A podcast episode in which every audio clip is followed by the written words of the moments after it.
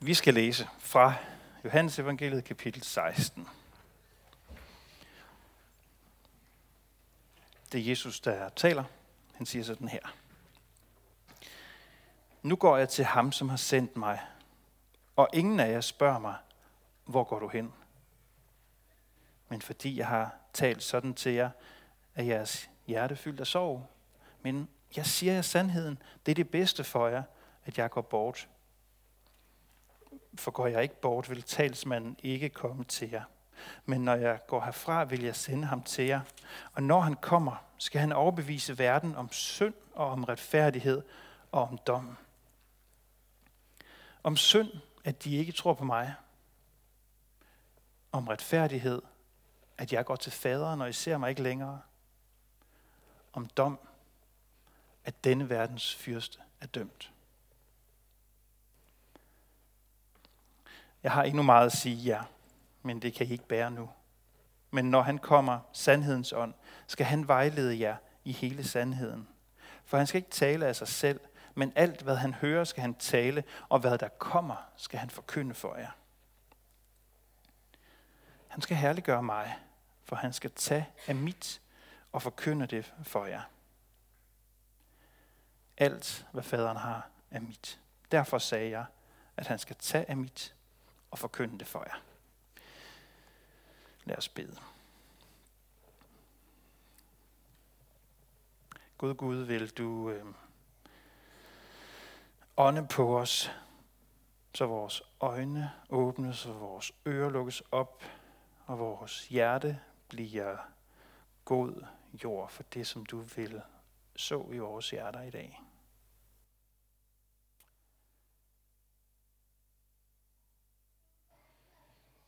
Amen. Jeg vil, øh, jeg vil gerne invitere jer med på fodboldbanen en tur. Og øh, det er ikke Superliga-fodbold. Øh, bare rolig. Det er en øh, bedrøvelig affære. Det ved jeg trods alt nok om fodbold til, for alle, der bor vest for Valby Bakke. Øh, det eneste opmuntrende her i Aalborg, det er, at øh, jeg skal til Aarhus og prædike her i eftermiddag. Der bliver det endnu sjovere at tale om Superliga-fodbold. Men det er jo ikke, fordi vi har særlig meget pral af, synes jeg. Øh, så vi går lidt ned i rækkerne, øh, men op i kvalitet. Jeg tilbringer en ikke så lille del af min fritid på, at, på at øh, bakke op om mine børns øh, sunde fritidsaktiviteter som øh, forældretilskuer til fodboldskampe. Det er ikke altid den største fest. Men øh, for i weekend, der var det rimelig godt vejr. Jeg var ikke blevet blå af kulde. Og øh, jeg stod faktisk og øh, glædede mig over at se en øh, U10-fodboldkamp. Det, der glædede mig især, det var, at øh, jeg kunne se, at børnene på vores hold øh, faktisk forsøgte at spille fodbold. Jeg kunne se, at de havde en fodboldfilosofi på langt højere niveau end mange Superliga-klubber i det her land. Jeg skal ikke træde på nogen alt for ømt i dag. Nå, men jeg stod der og så dem spille fodbold. De kom bagud med et mål, med to mål, med tre mål. Og så var der en af forældrene, der begyndte at stå og råbe til børnene. Spil ham og ham!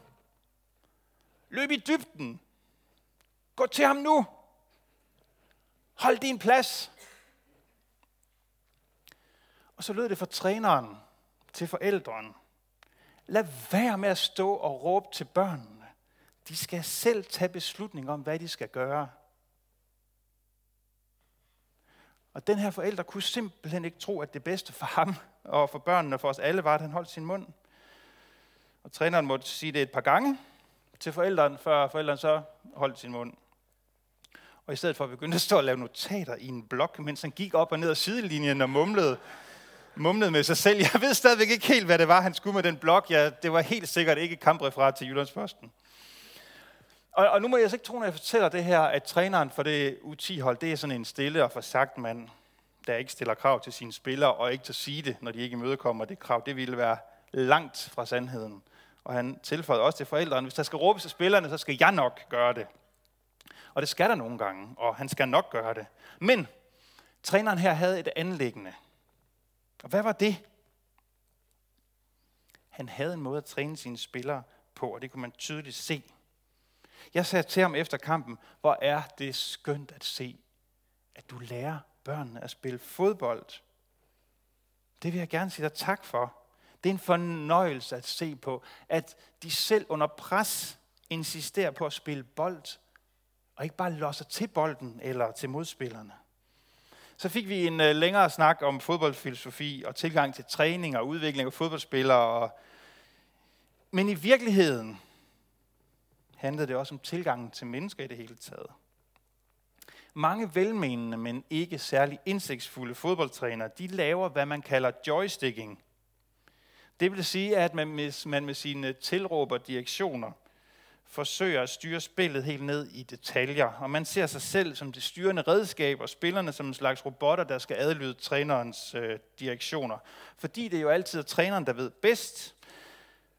Det var den form for tilgang, som forældrene ved sidelinjen havde.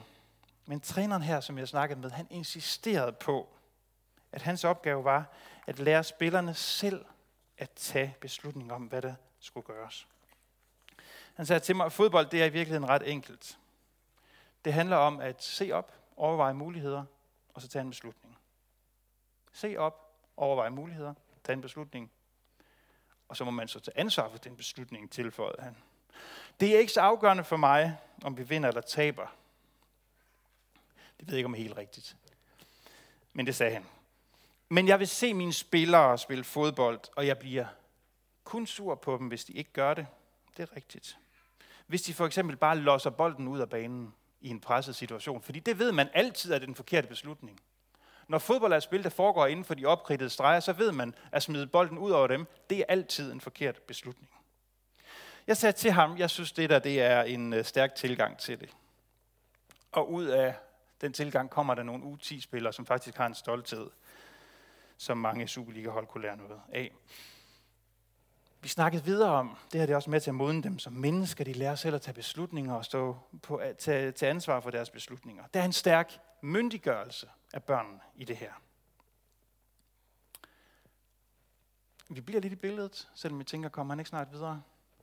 Det, som træneren han siger til sine spillere her, det er faktisk, det er bedre for jer, at jeg holder min mund, at jeg trækker mig tilbage og lader jer spille, om 3-4 år, så kan I forhåbentlig vinde over de fleste hold på den her måde. Men uanset hvad, så har I lært noget vigtigt. Det er bedst for os og for jer, at der er en afstand imellem os. Så I ikke spiller fodbold udefra og ind, men indenfra og ud. Altså, at I ikke lærer at orientere jer efter detailinstruktioner og alle mulige tilråb, der kommer til jer, men at I orienterer jer efter jeres egen indre fodboldstemme.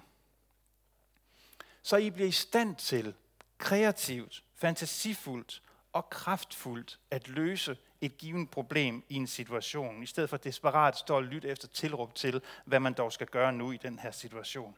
Så træneren han trækker sig tilbage for at give plads til noget andet og noget langt, langt vigtigere. Han lader en adskillelse komme imellem ham og sine spillere, for ellers ville de aldrig komme til at spille kreativt og fantasifuldt fodboldspil. De vil aldrig blive de fodboldspillere, de kunne blive. Og man kan tydeligt se, når det modsatte sker. Når en træner joysticker sine spillere rundt på banen. Jeg har set det massevis af gange. Så har man en gruppe spillere, der tåger forvirret rundt på banen, lyttende efter tilråb og instruktioner fra trænere, og en forældregruppe, der bare ikke kan finde ud af at holde deres kaj. Og så er der 15 joysticks, der skal styre spillets gang, og det går der efter. Spillerne de bliver ængstlige, fantasiløse, bange for at lave fejl, og selvom de vinder, så har de ikke rigtig spillet fodbold. De forsøger desperat at få trænerens gunst, forældrenes gunst, og de kaster skylden på fejl, for fejl og nederlag, på de andre spillere, på dommeren, på forældrene, og da tilbage på træneren, fordi det var jo ham, der sagde, hvad vi skulle gøre. Særligt komisk kan det her så blive, når træneren er kommet derud, hvor han har holdt helt op med at give instruktioner og bare kommentere. Jeg hørte og så en uh, træner råbe højt til en spiller, der havde lavet en ikke særlig heldig aflevering, der landede først i benene på en modspiller og så i egne netmasker. Træneren han skreg, dårlig aflevering. Og en gang til brølede han, dårlig aflevering. Og jeg, og jeg lå højt, fordi der var ikke nogen fælst på banen, eller uden for banen, eller omkring banen, der var i tvivl om, at spilleren havde lavet en dårlig aflevering. Men træneren havde et eller andet indre behov for bare at få det der brølet ud. Dårlig aflevering! For hans joysticking-taktik var slået fejl, og frustrationerne væltede ud af ham. Han havde umyndiggjort sine spillere, og nu var der ikke noget, de kunne gøre. Og nu tror I måske, at vi stadigvæk er på fodboldbanen, men det er vi i virkeligheden slet ikke. Vi er dybt inde i den tekst, vi har læst sammen i dag. Vi er dybt inde i områder, hvor det rører ved vores liv. Se. Det er utrolig let at komme til at leve sådan, som den sidste type fodboldhold spiller fodbold. Dem, der bliver drevet rundt af alle mulige direktioner og tilråb. Det er så let at komme til at leve udefra og ind.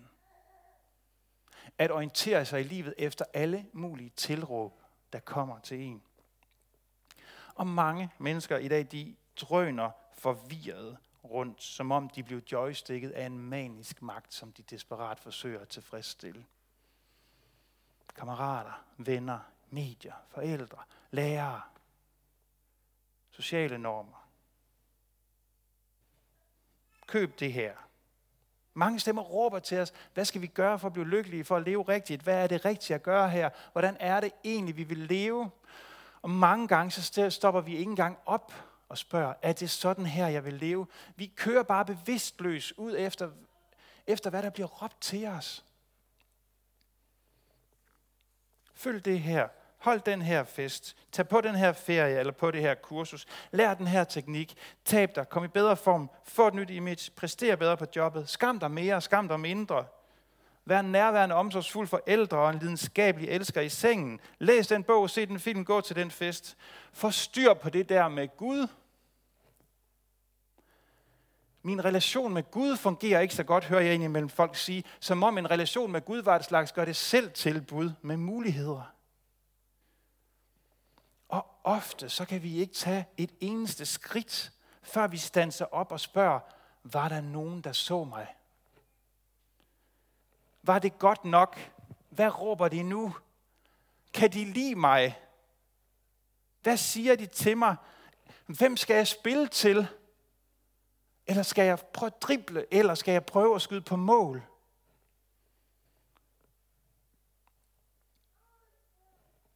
Kan I følge mig? Når vi er blevet umyndiggjorte, ufrie, så kan vi ikke bare sige, hold kaje til de stemmer, der råber til os. Fordi vi ville ikke ane, hvad vi skulle gøre, hvis de ikke råbte alle mulige ting til os. Og når de der skrigende stemmer på sidelinjen i vores liv ikke bliver bedt om at tige stille, så tager de magten fra os, og så kan vi komme til at leve hele liv, mens vi kastes rundt efter det ene og efter det andet. Og vi bliver aldrig de fantasifulde og kreative fodboldspillere, vi skulle være blevet. De fantasifulde og kreative skabninger, som vi var skabt til at forløse til at være. Men vi bliver kedeligere og kedeligere, og mere og mere stressede og vrede og irritable og frygtsomme. Alt for mange mennesker spiller ikke fodbold, fordi de løber rundt efter de seneste direktiver, de kunne høre af tilråb. Og selv når de på tavlen vinder, så taber de. Jesus ønsker ikke for os, at vi skal leve sådan. Ligesom træneren, jeg startede med at sige, der insisterede på at myndiggøre og sætte sine spillere fri, så ønsker Jesus at myndiggøre os og sætte os fri, så vi kan leve, så vi vinder selv, når vi taber. Og derfor så siger han i teksten i dag, det er det bedste for jer, at jeg går bort. Selvom det kan være svært at se på, eller svært at forestille sig, hvad der skulle være bedre, end at sidde sammen med Jesus i kød og blod. Han er, har jo lige været i graven og kommet ud af den i levende liv. De kunne spise sammen med ham. De kunne tale med ham. Og nu siger han, det er bedre for jer, at jeg går bort. Hvordan kan det dog være bedre for nogen, end at have med Jesus at gøre i kød og blod? Det lyder jo som om, han er ved at slå op med dem. Det er ikke jer, men mig. Men Jesus han er ikke ved at slå op med dem. Han siger til dem, jeg trækker mig nu for at give jer frihed og myndighed, og I har brug for plads. Det var ikke fordi Jesus ikke havde tid til at blive.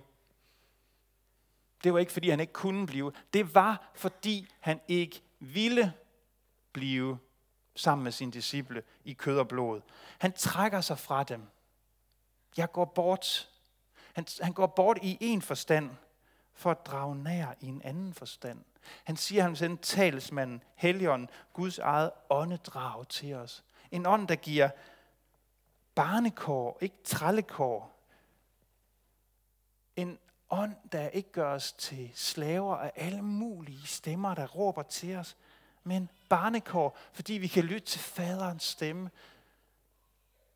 Ah, Guds stemme, der er den ene stemme, der i virkeligheden er værd at lytte til. Jesus han skaber en plads til os, så at sige et mellemrum. Og i det mellemrum, der bliver vi til. Jesus han giver os lov til at tage dårlige beslutninger. Og det må være noget af det sværeste, som Gud nogensinde har gjort. At give os lov til at tage alle de dårlige beslutninger, vi tager. Han giver os plads til det. Ikke fordi han bare glæder sig til at skulle straffe, straffe os for dem. Men fordi vi bliver myndige, frie. Vi bliver os selv, mens vi battler med livet. Mens vi kæmper med eksistensen. Vi tænker nogle gange om det der med, at Jesus han ikke er her i kød og blod, som om det er en slags mangel ved Gud, eller uh, der tog Gud en virkelig dårlig beslutning. For det ville da alt andet lige have været noget nemmere, hvis Jesus han var her i kød og blod.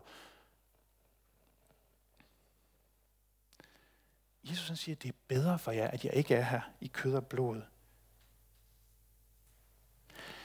Se, Jesus han ønskede på en eller anden måde, at vi skulle at vi skulle tvivle, at vi skulle kæmpe med troen, med ham, at vi skulle ane, at vi skulle længes efter ham. Og er det egentlig ikke smukt, at i kristendommen har vi med en Gud at gøre, der er så nænsom og så blid, at han ikke vil krænke os eller tyrannisere os med sit nærvær. Er det ikke smukt? Han, som er den stærke, siger, jeg trækker mig, fordi I skal blive jer selv.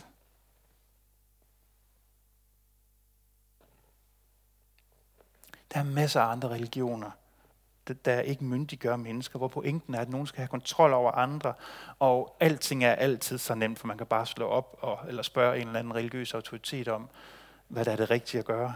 Og så er der nogen, der har svar på det.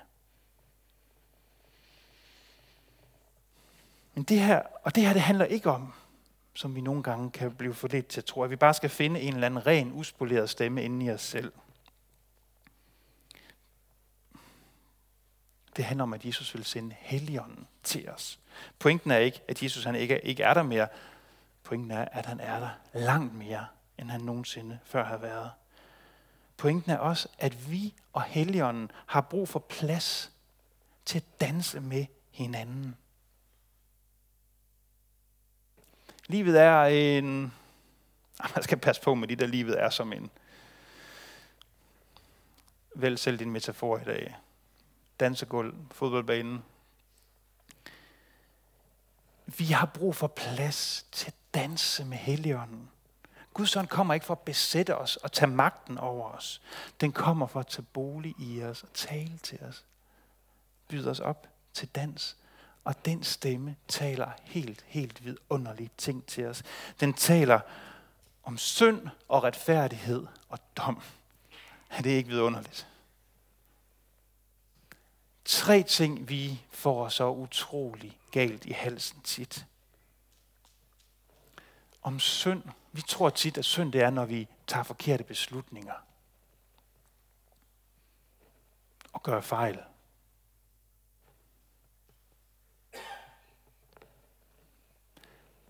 Helligånden taler til os og siger, synd er, at du ikke tror på Jesus.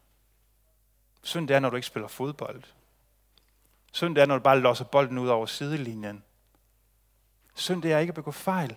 Synd er, når du ikke tror på Jesus. Når du i tro og tillid læner dig op af alle mulige andre stemmer, der taler til dig.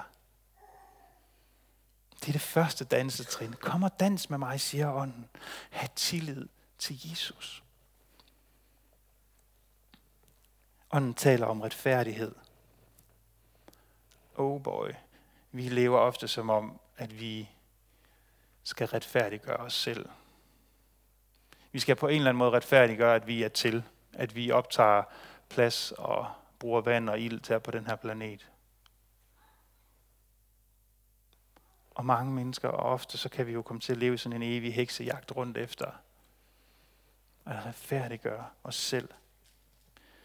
Retfærdighed er, at Jesus går til faderen, siger ånden. Han hører til hos faderen, og fordi vejen til faderen for Jesus gik gennem korset, så hører vi også til der. Vi får vores retfærdighed af ham. Vi skal ikke arbejde os til den. Til det andet dansetrin. Du kan ikke arbejde dig til retfærdighed. Den får du af faderen, hvor du hører til. Dom. Vi bruger ofte så mange kræfter på dom. På at dømme andre, eller på at bearbejde deres dom over os. Eller at dømme os selv. Og det vi har brug for for at vide om dom, det er egentlig utrolig lidt. Den her verdens fyrste er dømt. Det er bare det, vi skal vide om dommen. Du skal ikke dømme nogen. Du skal ikke lade dig dømme andre. Jesus han er den, der dømmer. Han har dømt verdens fyrste, og han har frikendt dig på grund af det, han har gjort for dig på korset, så du ikke behøver at skulle leve med din egen eller andres dom. Og når vi lytter til den stemme,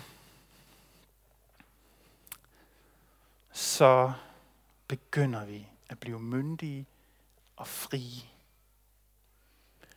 Og så står der i teksten, at disciplen de er i sorg. De er så kede af det, at de ikke engang rigtig tør spørge Jesus til, hvad det egentlig er, han mener. Og ja, der er en smerte ved enhver afsked, også ved de helt nødvendige. Det ved enhver mor, apropos mors dag. Jeg talte med en mor øh, for noget tid siden, som fortalte om, at hun havde en søn, der var blevet sådan omkring myndighedsalderen. Og han havde nogle dage, hvor han øh, hver dag, han åbnede køleskab, så brokkede han sig helt vildt over det, der var i det, og det, der ikke var i det. Og så siger moren her til ham en morgen, hvor han havde brokket sig over, hvad der ikke er til morgenmad. Så siger han til ham, min søn, det er vist på tide, du får dit eget køleskab.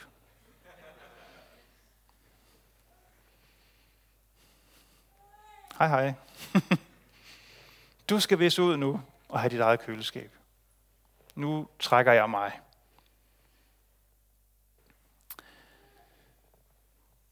Vi havde en snak med øh, en af vores børn en aften, som var sådan ked af, øh, over hvad nu, når jeg skal flytte hjemmefra, og vores familie, som vi kender nu, bliver opløst.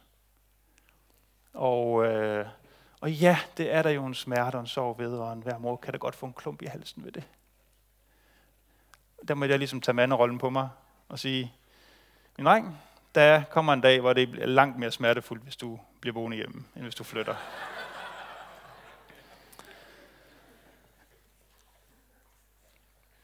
Mange forældre de vil gerne i misforstået omsorg for deres børn lave den der joysticking af dem. Og det de i virkeligheden gør, det er, at de umyndiggør dem og holder dem fast. Hvor de skulle myndiggøre dem og sætte dem i frihed. Og som forældre, så må vi turde give slip på vores børn og sige, min kærlighed vil altid følge dig, men jeg selv, jeg skal ikke følge dig her. Og hvis vi kunne, havde vi sikkert også sendt en talsmand ind i hjertet på vores børn. Men det kan vi ikke. Det kan Jesus til gengæld. Han sender sin egen ånd ind i vores hjerter. For kristendom er en myndiggørende og frigørende bevægelse og har været det helt fra starten. Alt for mange mennesker i vores kultur, de står bare og råber og venter på, hvad der bliver råbt til dem.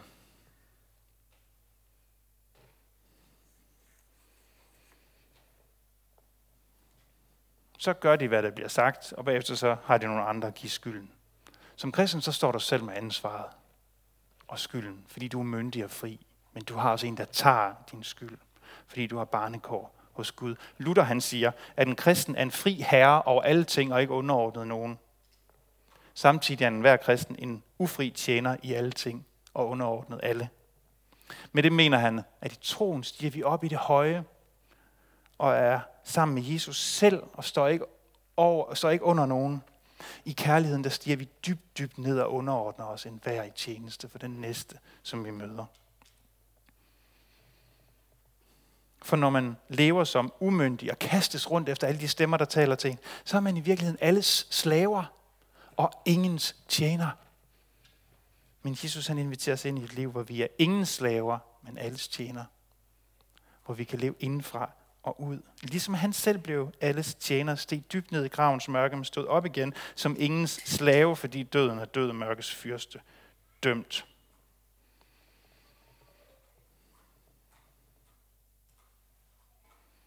Gud giver os ret at bevare og forstå den. Den frihed, som Kristus har kaldet os til. Gud giver, at vi i vores tid ikke træller for nogen, men tjener alle. Gud give, at mænd og kvinder, unge og gamle, rejser sig og lever fantasifuldt, kreativt og kraftfuldt, tager modige, stærke beslutninger om, hvad der skal ske i deres liv og i deres samfund, som tør at fejle, fordi de i deres indre har en ånd, der råber, Abba, far. Amen.